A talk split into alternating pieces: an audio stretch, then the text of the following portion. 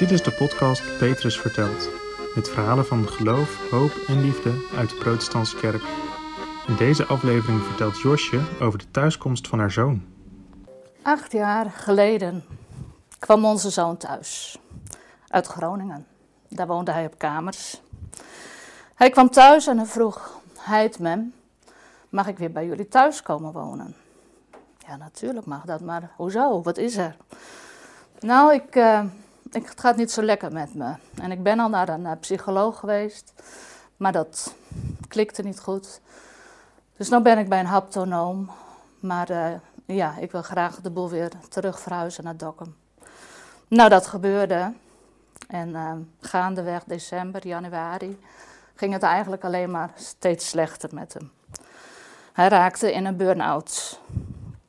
En we kwamen erachter dat hij um, waarschijnlijk ja, altijd al hooggevoelig is geweest. En ja, dat is als ouders lastig om, um, om te beseffen dat je dat niet hebt gezien. Ik ben zelf kleuterjuf en ik sta er ook een beetje om bekend dat ik de kinderen snel aanvoel. En dat je dat dan niet bij je eigen zoon hebt gehad, dat, ja, dat geeft een soort schuldgevoel. Hij heeft ook een struggle met de maatschappij, dus ja, hij heeft het gewoon heel moeilijk. Uh, hij was ook vrij stil, maar dat is mijn man ook. Dus ik dacht, ja, hij lijkt gewoon op zijn vader. Nou, ik heb toestemming van hem om dit verhaal te vertellen, maar ik vertel het wel vanuit mezelf en vanuit onszelf. Want ja, ook voor zijn privacy is dat wel beter.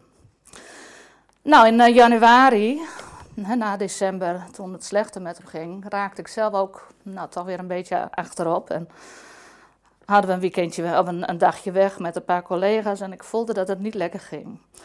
En die zondag daarop was er een, uh, ook een salvingsdienst. Een, ja, meer een gewone salvingsdienst. Want wij dachten dat het een zieke salvingsdienst was en dat kon natuurlijk ook. Maar vrienden van ons zeiden, joh, daar kunnen jullie ook heen. Het is ook voor belangstellenden. Dus wij naar die salvingsdienst. En daar wordt gelijk uit Jesaja gelezen. En dat was net al wat over onze zoon ging. Dus de tranen, die had ik gelijk al, want ik ben nogal een emotioneel type. En uh, ja, ik, eh, het, was heel, heel bijzonder. De dominee die vroeg toen van, um, ik ga de rijen bij langs en wie gezalfd wil worden, die mag zijn vinger opsteken. Nou, ik was het niet van plan. Misschien opvoeding, ik weet het niet. Maar, uh, ik denk steeds zo dichterbij, dichterbij de dominee kwam dat ik dacht van, doe ik het niet voor mezelf, dan doe ik het voor onze zoon. En met trillende handen stak ik uit, kreeg ik kruisje in. En nou, ik moet zeggen, ik werd wel wat rustiger. En uh, ja, het, het, het, was wel heel, heel mooi warm. Toen kwamen we thuis en toen zat uh, onze zoon voor de kachel. En normaal, als ik dan erbij zat op een stoel, dan, nou, dan heb je als moeder pijn in je hart. Maar die avond niet. Ik bleef heel rustig en er kwam iets in me van, het, het, is heel erg voor hem. En misschien wordt het nog wel erger, maar het komt goed. Ik weet niet of de stem geweest is, zo, maar iets, iets heel zekers kwam erover. Nou, toen ging hij naar boven, naar bed en ik ging nog even achter de computer zitten, spoorloos terugkijken. En uh, bij de hereniging, nou, jank ik altijd een potje mee. Maar die avond niet. Het bleef daarachter. En ja, toen had ik zoiets van, hè, het lijkt wel of ik een soort beschermhoesje om me heen heb of zo. Nou, en dat is gebleven. Ik, ik heb gewoon uh, verder uh, ja, weer alles kunnen doen eigenlijk. Nou, na een aantal moeilijke jaren waarin het niet echt opschoot, waarin hij ook veel uh, overal wat gewoond heeft, wilde hij naar Antwerpen. We hielden contact met, met de app. En ehm, hij had geen werk kunnen vinden, dus hij moest eigenlijk weer uit die kamer. En toen eh, op een avond kregen we een appje van... Uh, ik uh, heb besloten om een poosje op straat te gaan wonen. Nou ja, als ouders, dan staat je wereld stil. En ja, wij, zeiden tegen elkaar, wat gaan we doen? Gelijk erheen? Nee, dan komen we midden in de nacht aan. Dus we zijn om vier uur uit Dokkum vertrokken. En om acht uur waren we in Antwerpen. En je wilt je zoon ervan weerhouden natuurlijk. Alleen het gesprek wat eerst nog redelijk begon, dat escaleerde. En uh, het kwam erop neer. Hij zette zijn plan door en hij, uh, hij ging niet mee terug naar Dokkum. Nou, daar sta je dan als ouder. Wij weer terug in de auto. En dan ben je eerst stil. En dan zeg je van ja, maar nu, hoe verder? Ja, we hebben nog een dochter, nog een zoon. De dochter was zwanger van de eerste. Die hebben ook recht op ouders. Uh, we zijn langs Dordrecht gereden naar een uh, zus van Peter en, en de man, dus de man. Die hebben ons heel goed opgevangen en voor ons gebeden. En ja, toen hadden we ook het gevoel van, we moeten dit overgeven. Dit, kunnen we zelf niet dragen. Nou, en uh, toen ik thuis kwam, toen, uh, ik, ik ben nogal, uh, dat ik s'avonds weer een beetje opleef. En uh, s'nachts in de stilte, in de rust, was ik veel aan het bidden. En ik heb vroeger ook altijd wat een lijntje gehad met Jezus, de kinderbijbel, vroeg in het jeugdwerk. 16 jaar toen ik beleidenis deed. En toen kreeg ik de tekst, strijd, de goede strijd des geloofs. Nou, ik was er helemaal niet zo blij mee, eerlijk gezegd. Er staan veel mooiere teksten in de Bijbel van hele liefdevolle passages. Maar ja, toen wist ik nog niet hoe van toepassing dat was op ons leven. Want we hebben wel meerdere moeilijke dingen meegemaakt. Nou, thuis uh, gingen we de week erop ook weer naar de gebedsgroep waar we al een poos bij zaten, hier van de PKN. Ik woon hier ook in Dokkum, dus dan zitten we hier in een zaaltje. Peter heeft het uh, toen helemaal verteld van onze zoon wat er gebeurd was. En uh, ja, daar wordt tot nu toe nog steeds gebeden. En dat sterkt heel erg. Vriendinnen zeiden me tegen mij van, nou ja, wat ben jij een sterke vrouw? Maar ik zei, nee, dat ben ik helemaal niet, juist niet. Eigenlijk ben ik heel, heel stressgevoelig, zou ik maar zeggen. En als ze me van tevoren hadden gezegd dat mijn zoon op straat zou komen, dan had ik gezegd, nou, dan kan je mij opzoeken in Franeker. Maar dat ging. Ik kon gewoon door. Ik heb niet een dag thuis gezeten.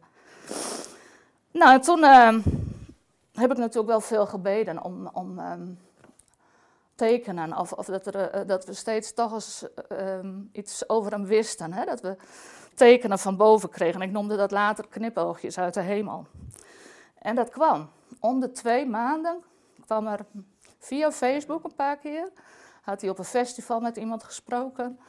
En die had zoiets van, nou, mooi gesprek, hartstikke leuk, maar die ouders die zullen het toch ook wel moeilijk hebben. Dus via Facebook traceerden ze ons, via een zwager, via onze dochter. En dan kon ik weer even vragen van, ja, maar hoe is het met hem? En hoe ziet hij eruit? Gaat het goed met hem? Was ook een vrouw in Den Haag, die uh, had hem een nacht een keer onderdak gegeven. Ook daar heb ik mee kunnen bellen. En dan kon je weer even verder.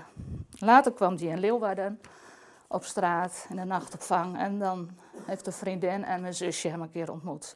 Nou, dat was gemiddeld om de, om de twee maanden. Heel bijzonder.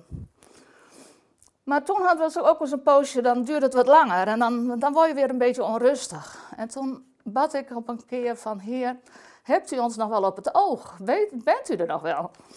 En we zouden toen een weekendje samen naar Bergambacht. En uh, ik herinnerde me dat mijn moeder altijd uh, baat had, of, dat ze het mooi vond in haar ziekte, om de psalmen te lezen. Nou zijn de teksten van de psalmen ook vaak heel mooi, maar ik vind de melodieën meestal zo saai. Dus ik dacht van, weet je wat, ik ga naar de Evangelische Boutique en ik haal de cd, de psalmen van nu. Dan draaien we die mooi op weg naar Ber Bergambacht. Nou, ik kwam terug met het psalmproject, bijna hetzelfde, maakt niet zoveel uit. En toen vroeg ik aan Peter van, wat is jouw lievelingspsalm eigenlijk? Nou, hij zei, Psalm 121. Waar komt mijn hulp vandaan? Oh, ik zei, van mij is Heer die mij ziet zoals ik ben. Psalm 139. Nou, als ik een weekendje weg ben, dan hoef ik niet zozeer zondags naar de kerk. Maar mijn man vindt het wel fijn. Dus ik heb uh, s'avonds op de iPad in het hotel uh, de site opgezocht van de PKN Bergambacht. En daar stond de liturgie afgedrukt. En ik lees die zo eventjes snel.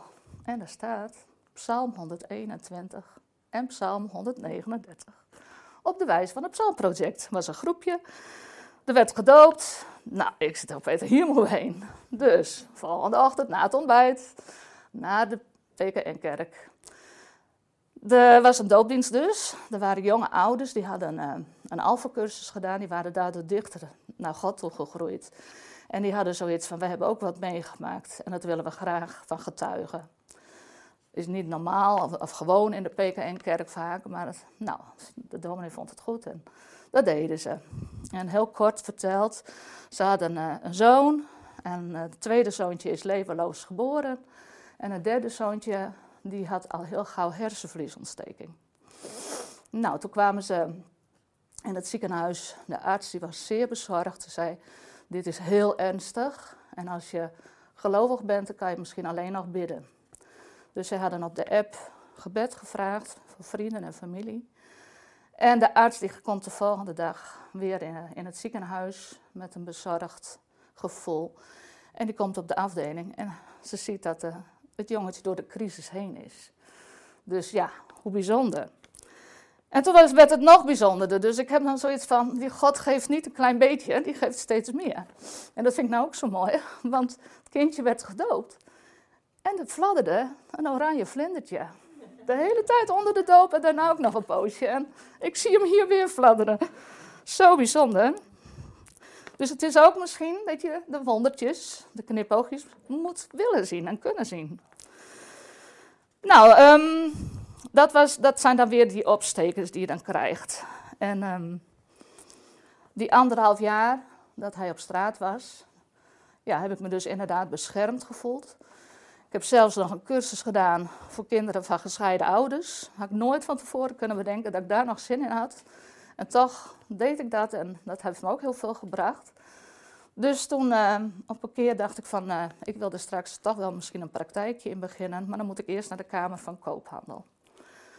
Dus uh, op een dag dat ik vrij was in oktober, ik een afspraak maken via de computer naar de Kamer van Koophandel. En ik heb het, het weg, 16 oktober, twee uur of zo. En ik heb het weg en ik denk, ah, suffet. Dat is de verjaardag van, van Jorrit, onze jongste zoon. Dus ik zou het he, gauw weer herstellen, maar nou ja, ik denk van, ik ben vier uur ook wel thuis, laat me staan. Dus ik heb het laten staan. Achteraf, maar goed ook. Ik reed naar Leeuwarden en uh, op weg, vlak bij de gevangenis, zie ik een jonge man lopen. Lange jongen, twee tassen. Ik denk, dat kon onze zoon wel zijn. Ja, er zijn wel meer lange jongens met tassen. Dus ik kijk naar rechts toen ik hem passeerde. En ja, het was hem. Nou, dan, als, dan, dan wil je stoppen en dan wil je eruit. Maar er staat een auto achter me. Dus ik denk, hup, naar die parkeergarage. Gauw de auto weggezet. Um, gauw naar boven gerend. En bij het beursgebouw had ik hem. Nou, dan heb je een hele onwennige ontmoeting. Hij verbaasd. Ik helemaal van, hoe kan je het hebben zo? En uh, nou na die onwennige ontmoeting heb ik gevraagd van, joh, ga je mee lunchen? Nou ja, ik ben eigenlijk veganistisch, maar niet zo streng, dus uh, is goed. Dus bij bakkerij Bart een broodje gegeten. En gek, dan heb je niet het lef om te zeggen van, jongen, kom mee naar huis op een of andere manier. Alles was zo teer en breekbaar. En uh, ik had wel verteld van, joh, wil je wat, nog wat vaker eens even iets van je laten horen? Dat helpt ons als ouders zo goed. En nou, dat had hij beloofd. En hij zou naar de bibliotheek en ik zou naar een kinderboekenwinkel. En na drie kwartier, ik moest echt naar die Kamer van Koophandel, loop ik weer naar de parkeergarage. En dan zie ik hem op de Wirdemerdijk, zie ik hem weer lopen. Nou, nou toen had ik zoiets van, dit is niet zomaar. Dus ik naar hem toe, ik zei, jongen, wat, wat, wat ga je doen vanmiddag? Nou ja, ik verveel me eigenlijk wel een beetje. Nou, ik zie, je, je broer is jarig, kom, ga, met, ga mee, stap in de auto. Oh, ja, ja, dat kan ik misschien wel doen. Nou, we hebben wel vaker dus afspraken gehad en dan liep het op laatst, uh, voelde het niet goed, dus dan ging het niet door. Dus ik denk niet eerder blij zijn dan dat ik hem in auto heb. En uh, dat had ik op een gegeven moment na de Kamer van. Hij is mee geweest. Wij op weg naar Dokkum. Naar huis. Verjaardagsfeestje van onze jongste gevierd. En die zei ook, nou ja, dit is het mooiste cadeau wat ik ooit had kunnen wensen. En dan zie je weer dat, dat het tot twee keer toe. Dan denk ik van, hoe? God die doet niet een klein beetje, maar die doet ruimhartig.